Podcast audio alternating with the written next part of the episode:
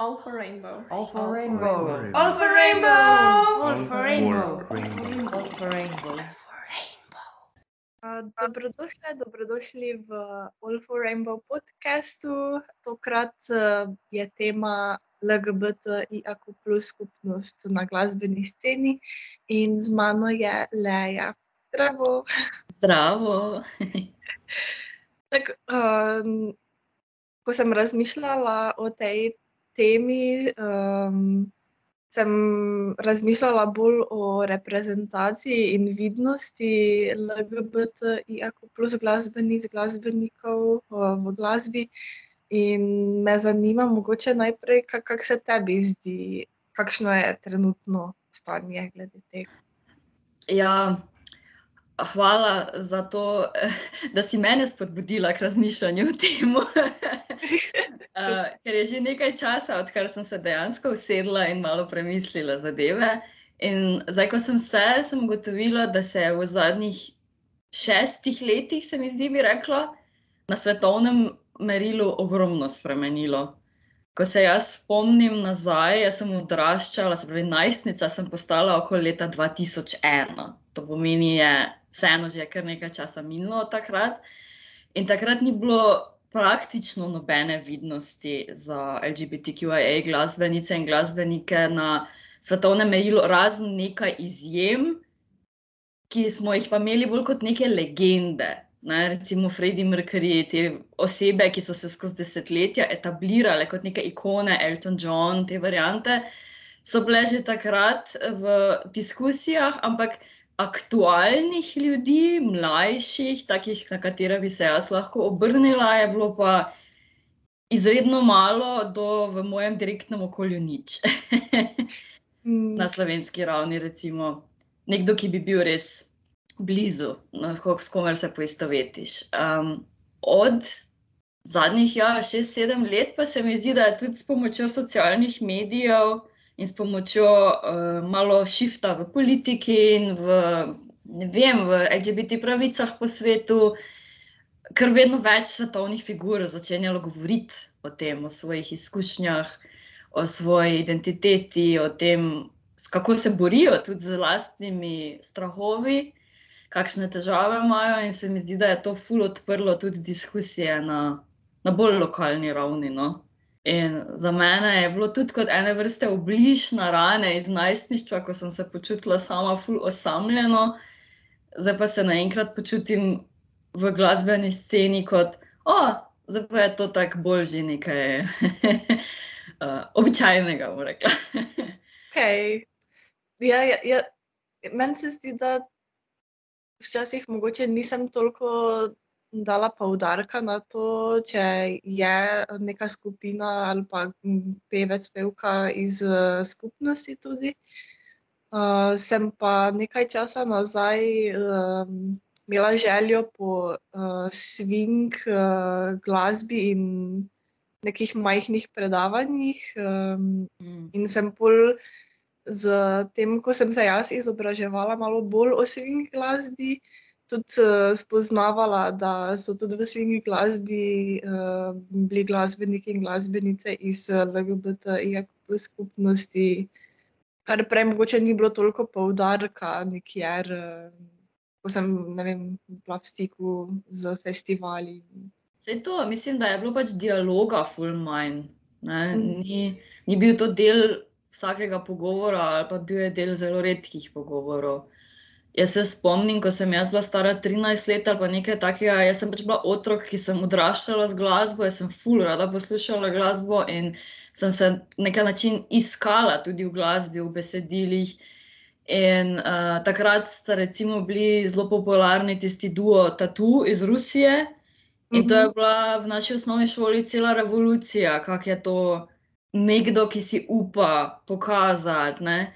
Sploh ni bila pol debata o tem, koliko je to resnično, koliko je to marketinška stvar ali ne, ampak že sama vidnost, da je bilo to naenkrat po vseh revijah, je bila čisti bum.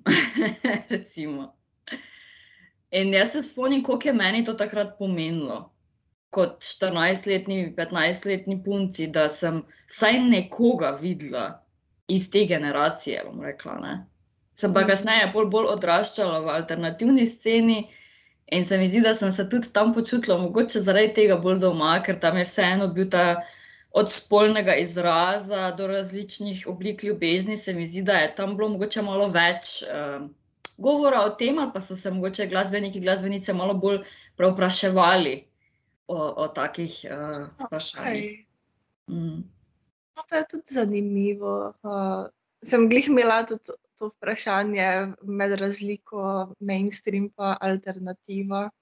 Um, Za me je bila. Mislim, mm. -hmm. mogoče to tudi moramo pač povezati s tem, kje odraščaš, pa v kakšni kulturi si. Ne? Ampak mi, ko smo odraščali v slovenskem okolju, se mi zdi, da slovenski mainstream ni ponujal veliko neke raznolikosti na glasbeni sceni.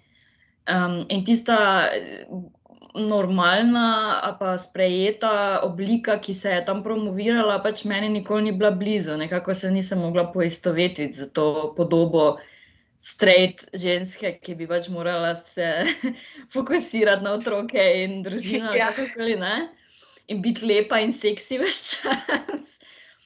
In tako sem pač potem iskala naprej, in alternativna scena, tudi na svetovnem merilu, mi je ponujala neke vrste bolj varno zatočišče, kjer je bilo tudi več um, normalnosti, tudi kot ženska, biti drugačna ali pa ne ustrezati temu enemu modelu.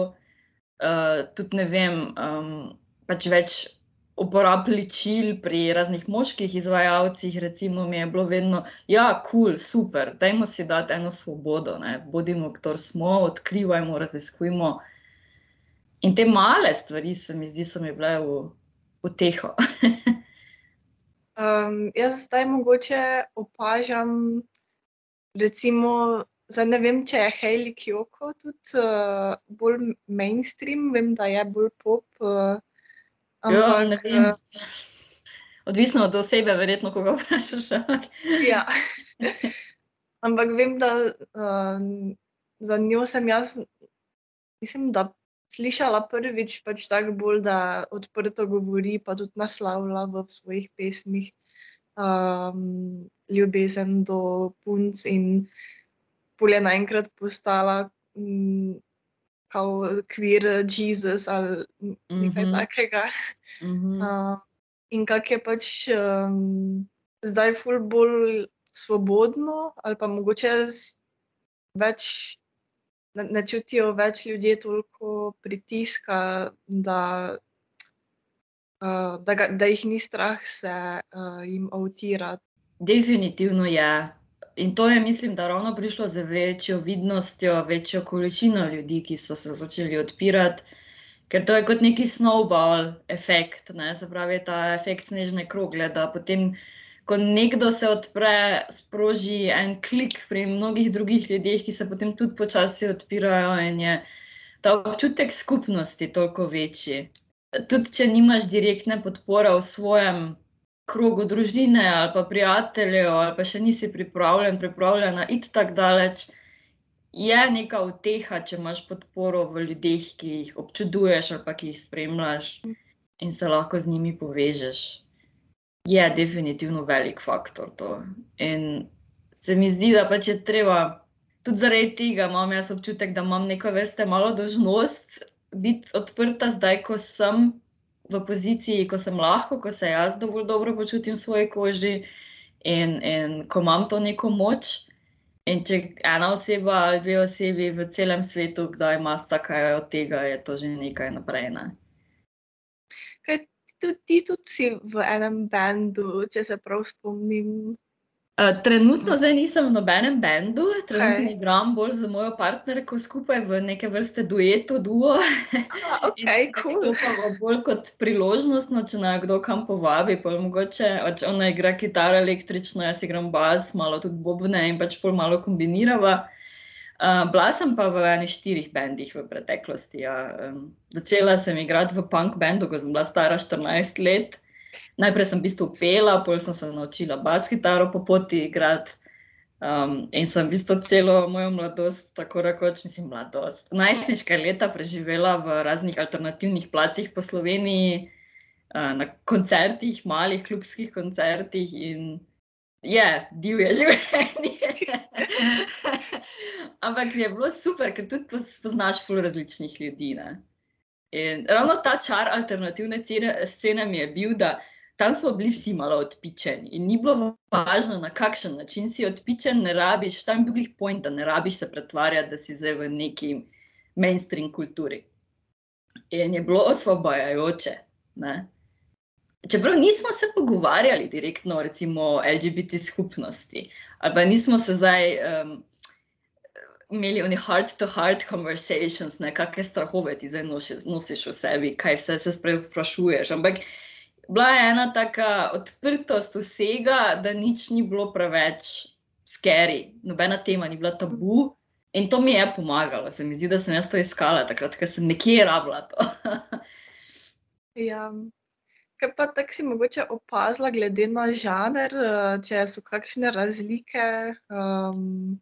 Ja, v bistvu sem, nisem najprej kot sama, da bi to pogruntala, ampak bolj v pogovoru z drugimi ljudmi. Jaz sem bila takrat bolj v punk sceni in punk je že od nekdaj bolj tako, ono, da smo proti mainstreamu in, ta, in tam je bilo se mi zdi bolj sprejeto kot normalno, da, da celo malo provociraš ali karkoli. Medtem ko pa mislim, da metal scena ima pa bolj, um, ne vem, striktna pravila njihove scene, se pravi, moraš se bolj prilagoditi in, in ustrezati neki estetiki in tem stvarem, kar je sicer lahko super kul. Cool, ampak poznam ljudi, ki pač so bolj v metal sceni doma in pravijo, da znotraj metal scene so tudi različne mm, skupnosti in da ne vem, čisti primer v black metalu tudi ni preveč zaželeno, da se recimo avtiraš. Da lahko tudi imaš ljudi noter, ki imajo določene bolj ekstremistične politične poglede in bi lahko to mhm. potem te ogrozilo. Tako da so tudi rekli, da tudi znotraj alternative, recimo, so ene subkulture, kjer je treba biti malo previden. Tako da okay. ni čist isto, da bi rekli, da je alternativa, zdaj kar vse ne. Um, all the same. Ja, uh, meni se zdi tudi uh, v bistvu kul cool, uh, K-pop, če poznaš. To je zdaj prišlo kasneje. Ja. To, je zdaj, to je verjetno bolj ti poznaš kot jaz. Jaz poznam bolj tako ob stranih, ker pač imam eno kolegico, ki je mlajša in vem, da je full big thing. In, in oni so, mislim, da je azijska scena že od full dolgo časa nazaj full podirala te naše neke stereotipe. Ne. Um, kar mi je super. ja, um, meni se to zdi ful cool. Čeprav se mi zdi, da mogoče na čase še niso še tam, da bi se mogoče kdo prav avtiral, avtirala. Uh, ampak tako glede mode, pa uh, make-upa, pa vse to pa je čistja. Tak, um, ja, se mi zdi, da vzor sem. Mm, poznam nekoga, ki je živel en čas na japonskem, mislim, da skoraj deset let. In v pogovoru z njim sem enkrat um, prišla do spoznanja, oziroma on mi je razložil, da, je, da so te azijske kulture sicer tako zelo kao, sprejemajo te, ampak nimajo globokih pogovorov o teh temah. Se pravi, uh, dokler ne rečeš nič, pa ne izzivaš preveč, bomo rekli, tega zmaja, ne, da moraš mm -hmm. uh, preveč govoriti o sebi, pa je vse ok, uh, pa je nekaj tak glanced over ni pa, da bi imeli zelo iskrene pogovore pogosto. Da, mislim, da je to pač del njihove kulture na nek način. Ampak se mi zdi, da vse te različne kulture in različna dojemanja, eh, kaj je ki je ok, pa kako, do kje meje dovolimo, recimo, spolnim stereotipom, pa to, da to nam. To nam je se ful odprlo z internetom in to je ful fajn, da vidiš, da ni samo tisto, kar mi poznamo, pa jemljemo za normalno, uh, ena in edina resnica. Ne? Da vsaka kultura si je drugače oblikovala nazore do spola, do ljubezni, do tega, kaj družina pomeni. In to je na nek način zelo pozitivno, po mojem, vplivalo tudi na našo percepcijo, kaj je zdaj normalno. Jaz zelo ne maram te besede, ampak ne običajno. ja. Kaj pa uh, tako se ti zdi, ne vem, ne vem, če je to res, ampak tako opažam v času junija, ko je polno parad ponosa po svetu, um, da tudi glasbene platforme več promovirajo LGBT-ja plus glasbenice in glasbenike. Se ti zdi, da ne vem, bolj izkoriščajo ta paradni mesec? Um, ali... Da ne bom zvenila preveč cinično, ampak ja, definitivno je to preraslo v en marketinški trend. Ko vidiš, da se vsaka alkoholna pijača že v Maurico odene, potem je vse jasno, ja. ker take znamke nimajo nič veze z skupnostjo praktično. Definitivno se takrat platforme poskušajo nekako malo bahati s tem, koga, koga pa mi uh, promoviramo, ne, kdo je pod našim okriljem. Težko bi rekla, ker nisem pogledal to, koliko spoh glasbeniki ali glasbenice imajo izbire v tem, koliko so debirajo. Mogoče celo ne. Um, ja, preveč. Takrat je en taki overload, Pol se mi pa zdi, da je pa tudi nefer, ker čez leto pa mnoge te glasbene platforme ali založbe ne naredijo toliko za ohranjanje vidnosti, ali pa tudi za preprosto, bomo rekli, podpiranje tistih, ki še niso blazno popularni. Ne? Jaz mislim, da je lažje nekomu, ki ima že veliko platformo sam po sebi, ki je velika znamka, ker glasbeniki, glasbenice so tudi znamke, konc konca, ker tam je vedno denar. Um, težje pa je nekje na začetku, ko tega še nimaš in ko imaš samo tisti par ljudi, ki te pridejo v garažo poslušati. ja. ko, ko pridejo in morajo plačati tiste tri evre karte, um, recimo na prvem nastopu nekje. In tam se mi zdi, da je pa za LGBTQIA skupnost v glasbi še vedno precej težko to uh, uporabiti kot neke vrste pozitivno stvar. Tam se mi zdi, da se mnogi glasbenice, glasbeniki raje odločijo, da tega ne bojo preveč komunicirali. Ne? Da je to še vedno vseeno ena stvar, ki, kjer čakamo na en primeren trenutek, da bi ta del sebe razkrili. Ja, je še osebno preveč, da bi bilo. Ja, ja, In še vedno se to dojema kot eno stvar, ki te potencialno lahko celo zavira pri tvojem ustvarjanju glasbe, ki ti lahko potencialno zapre kakšna vrata. Um, in se mi zdi, da tu bi bile te organizacije, ki se junija pokažejo, uh, lahko v veliko pomoč. Super je, če junija dajo priložnosti bendom, Ampak ti bendi potem ne smejo ostati sami in zapuščeni, ko juni mine. Ne? Takrat se šele, če se nekdo izpostavi in, in naredi neke vrste politično, um, politični statement s tem, da sodeluje z Pride zadevami, potem dajmo se podpirati čez celo leto kot skupnost. In, in tu so tisti, ki profitirajo potem od tega, razne te um, znamke in to se mi zdi, da bi morali večjo odgovornost prevzeti za to. Da, mm. da če že imajo podporo, potem naj jo imajo skozi celo leto. Ne samo z Maurico, ampak s tem, kaj počnejo. Ne. Se ti zdi, da lahko tudi m, parade ponosa, pa organizatorji, organizatorke leteh eh, tudi pripomorejo k temu? Ja, jaz mislim, da je podobno, bi rekla, tudi, da imajo potem tudi neke vrste um, odgovornost, da če že delajo potem evente čez celo leto, naj potem se tudi tam potrudijo, pa malo podpirajo sceno. Um, ker večinoma so tudi tisti ljudje, ki hodijo na njihove dogodke, del scene in, in na nek način je to bolj vzajemno podpiranje. Ti podpiraš en bend s tem, da ga povabiš, pa izvajalko, izvajalca, DJ-ko, DJ-ja. Um, daš tisti honorar, ne, ker to je tudi mm. delo, poskrbiš za vidnost, poskrbiš za eno super lokacijo po drugi strani pa tisti ljudje potem no, ti ostanejo zvesti. Jaz vem, da, da smo zvesta publika in, in pridemo spet na druge dogodke in prenesemo tisti, tisti denar itak nazaj. ja.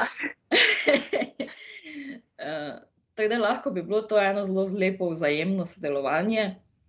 Jaz se zavedam, da marsikatere pride organizacije, uh, sploh bom rekla na slovenski ravni, recimo, so zelo male in podhranjene finančno. Ne?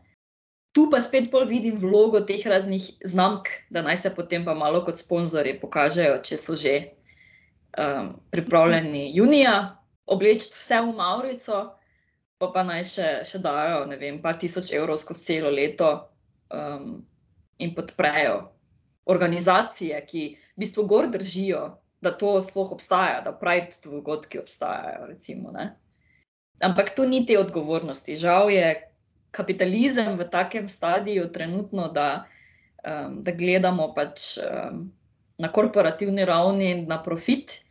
In um, podpiranje Pride eventov je profit junija, čez celo leto pa so to pač manjše dogodki in tam direktnega profita ni. Tisto je naložba in tam je večinoma še vedno dosti bremena na prostovoljstvu in zastojnem delu.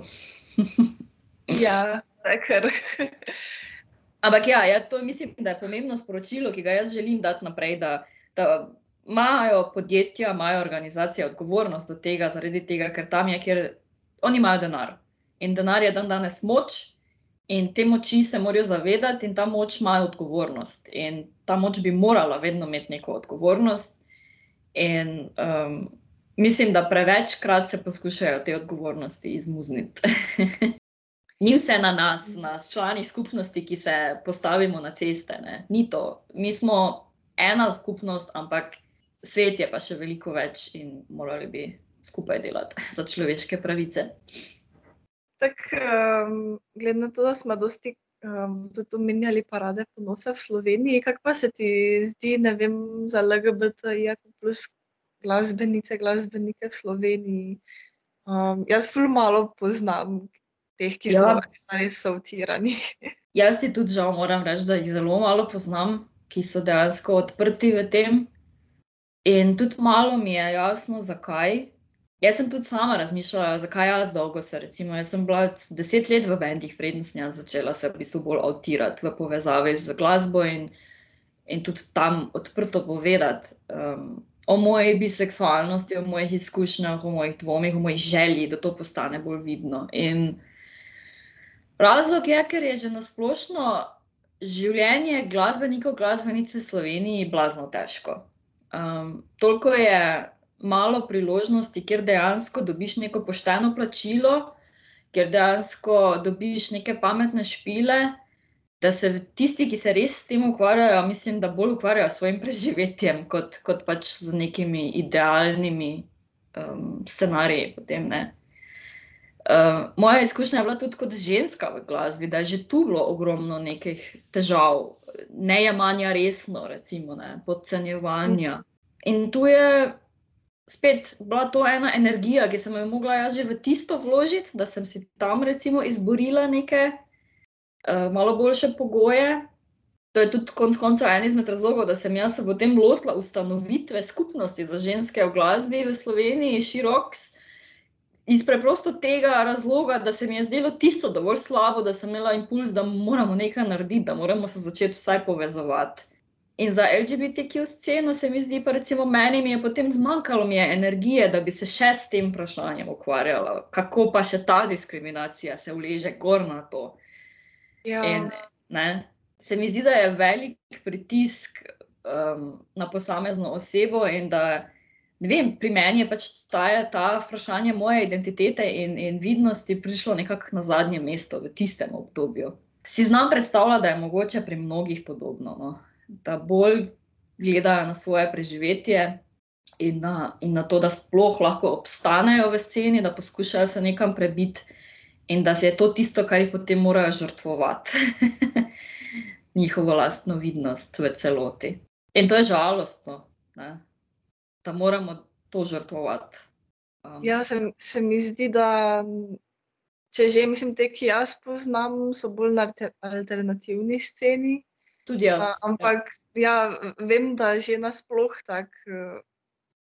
Dosti glasbenic, glasbenikov ima ful enih ne moreš imeti samo vem, enega benda, uh, ampak jih je ful v različnih uh, bendih ja. ali pa imajo solo kariero, pa še v bendu, ker um, je težko, da ti ne vem, da dobiš honorar sploh, mm. ali, ja, ali ne, pa poliš glede sploh, kak, kako visok honorar je to. In tu jaz lahko mogoče ti povem, da jaz vidim razliko med Slovenijo in Avstrijo, ful veliko. Če sem zdaj pogled v to, ker tu živim v Avstriji in tu je že od nekdaj kultura tega, da je treba glasbenike in glasbenice plačati veliko boljša. In tu se potem takoj vidi, recimo v Gracu, jaz poznam bom rekla, petkrat več out queer bendov, kot jih poznam v Sloveniji. Pa to zdaj mem, poznam samo ful malo bendov avstrijskih, tako da si mislim, da jih je še ogromno več. Ravno zaradi tega, ker jim je lažje nasploh preživeti in obstajati. Ne? Mm. In potem jim je lažje tudi se za to svojo vidnost postaviti, imeti to kot del sebe in, in se ne upravičevati za to in ne tega skrivati. Tako da je, tu je spet vse so nazaj pri denarju. Tak, takrat, takrat, ko te osnovne stvari štimajo, je potem boj za to vidnost lažji, ker ti energija ostane. Ja. V Sloveniji pa res ja, zelo malo jih poznam, ki bi bili out. Eh, V mainstreamu je sploh to, se mi zdi še težje. Ker če pogledamo, mainstream v Sloveniji pomeni, da te pač predvaja tistih pet ali pa deset glavnih radijskih postaj ali pa ne vem, pet televizijskih postaj, da ti daje neki prostor nekje. Ne? In tam imaš voditelje, voditeljice, ki te včasih, ko, ko vidim, kako stvari vodijo in kakšne komentarje dajo, se mi sploh ne, sploh ne čudim, da potem bi bilo težko se nekomu avtirati in iti kot mainstream glasbenik, glasbenica skozi to, non-stop. Tam je veliko homofobije, še vedno v intervjujih prisotnih, veliko ignorance. Ja. Eh, Ne? In, in nekdo, ki gre v mainstream, se mora bolj zavestno odločiti se s tem spopadati. In to je težko. To je, se mi zdi, zelo zahteva veliko moči. Imaš mogoče kakšne želje ali pa česa si želiš videti več za LGBTIQ plus eh, skupnost na glasbeni sceni? Oh, ja, seznam je dolg. ne, um, najprej si želim čisto tako človeško, ja, da, bi, da bi jim nam bilo lažje preživeti, zaradi tega, ker se mi zdi, da bi to zdvignilo en strah um, pred svetom nasploh in bi potem lažje um, se pogovarjali tudi o drugih aspektih nas. Želim si pa tudi, da ko pa je dovolj poguma, da, da se odpremo, da smo, kdo smo, da ne bi to postala glavna stvar, o kateri potem ljudje o nas govorijo. Ker se mi zdi, da je to en velik problem, da potem tvoja glasba postane ena sekundarna stvar in tvoja identiteta prevzame celo komunikacijo o tebi in s tabo. In to nekako ni smisel, ne? ker zaradi glasbe želimo ustvarjati, to želimo deliti. In da potem to postane najmanj pomemben del nas. Um, kaže neke vrste, da nas ali ne razumejo, ali pa da ni spoštovanja do, do samih ljudi. In tega mi je žal, tega si želim, da ne bi bilo toliko, da bi se tudi mediji bolj zavedali, kako naj temu rečem, medijske etike, bolj njihove profesionalnosti. Da če se pogovarjamo z glasbenikom, verjetno naj bo fokus glasba. Ja. ostalo, ostalo lahko pride kot zraven, ampak ne sme pa zasenčiti tega. Drugače pa želim poguma več organizatorjem koncertov, nastopov, da ne bi oni bili tako zelo um, v neke, neke svoje strahove upeti, da bi zaradi tega uh, zapirali možnosti LGBTQ posameznikom, ki se avtirajo, um, zaradi tega, ker se mi zdi, da je, da je to tako nepotrebno v današnjem času. Da včasih je že tu. Veš, se zaprejo ena vrata, ki se sploh ne bi rabila, in kjer mogoče publika sploh ne bi tega toliko tematizirala, ampak če ti nekdo ne da v prvi vrsti koncerta, ne moreš niti vedeti, kak bi bil odziv publike. Ja, to se strinjam. Um, mogoče včasih tudi pri pisanju tekstov, uh, te, da ne vem, ali so to pol producenti, producentke, ki želijo, da pišeš tekste, ki ne, niso tako očitni, da ne vem. Uh, če je pevka, da naslavlja uh, punco. Recimo. Ja, ja, tu je verjetno tudi v ozadju veliko tega. Viš, tu jaz nimam dovolj izkušenj, ne, ker jaz, sem bolj v alternativi, jaz pišem svoje tekste. Jaz še nisem nikoli imela nobene osebe, ki bi mi rekla, kako naj pišem. Ne. Ampak si znam predstavljati, da v raznih založbah, kjer gledajo, preden se recimo album posname in te stvari, da imajo pripombe in da, da bremzajo. Ja. Si znam predstavljati to. In da imaš potem pač veliko, bom rekla, neutralnih besedil, kjer se poskuša čim manj vedeti, Ja. o kom govorimo. Ja, veš, to je tudi škoda. Ne? Ker to je tako, Ja, to je tako, se mi zdi, smo šli s časom, vseeno, že dosti bolj naprej, da tega ne bi bilo, ne bi bilo treba več. Um, ampak vsi se bojijo za svoje zaslužke, se mi zdi. Tu je tudi veliko strahu glede denarja. Slovenija je mali trg. Pa težek jezik je slovenščina. Tu se spolu, recimo v jeziku, koga naslavljaš, težje izogneš kot v angleščini. Um, mogoče je zaradi tega na svetovni ravni tega manj, zato ker tam je lažje ugibati, o kom zdaj ena oseba govori. Mogoče tako za na konec, uh, kdo je tvoj najljubši bend ali pa uh, pevka, pevec, uh, ki je del skupnosti? Ja, zdaj pač jaz se gibam vseeno bolj v roko, tako da afiniteto imam že nekaj let do um, punk rock benda Against Me in njihova pevka oziroma kitaristka Laura Jane Grace je šla že kar nekaj let nazaj skozi svojo tranzicijo in transformacijo in se mi zdi, da odkar se je njej njej to odprl novi svet, da delajo še stokrat boljšo glasbo.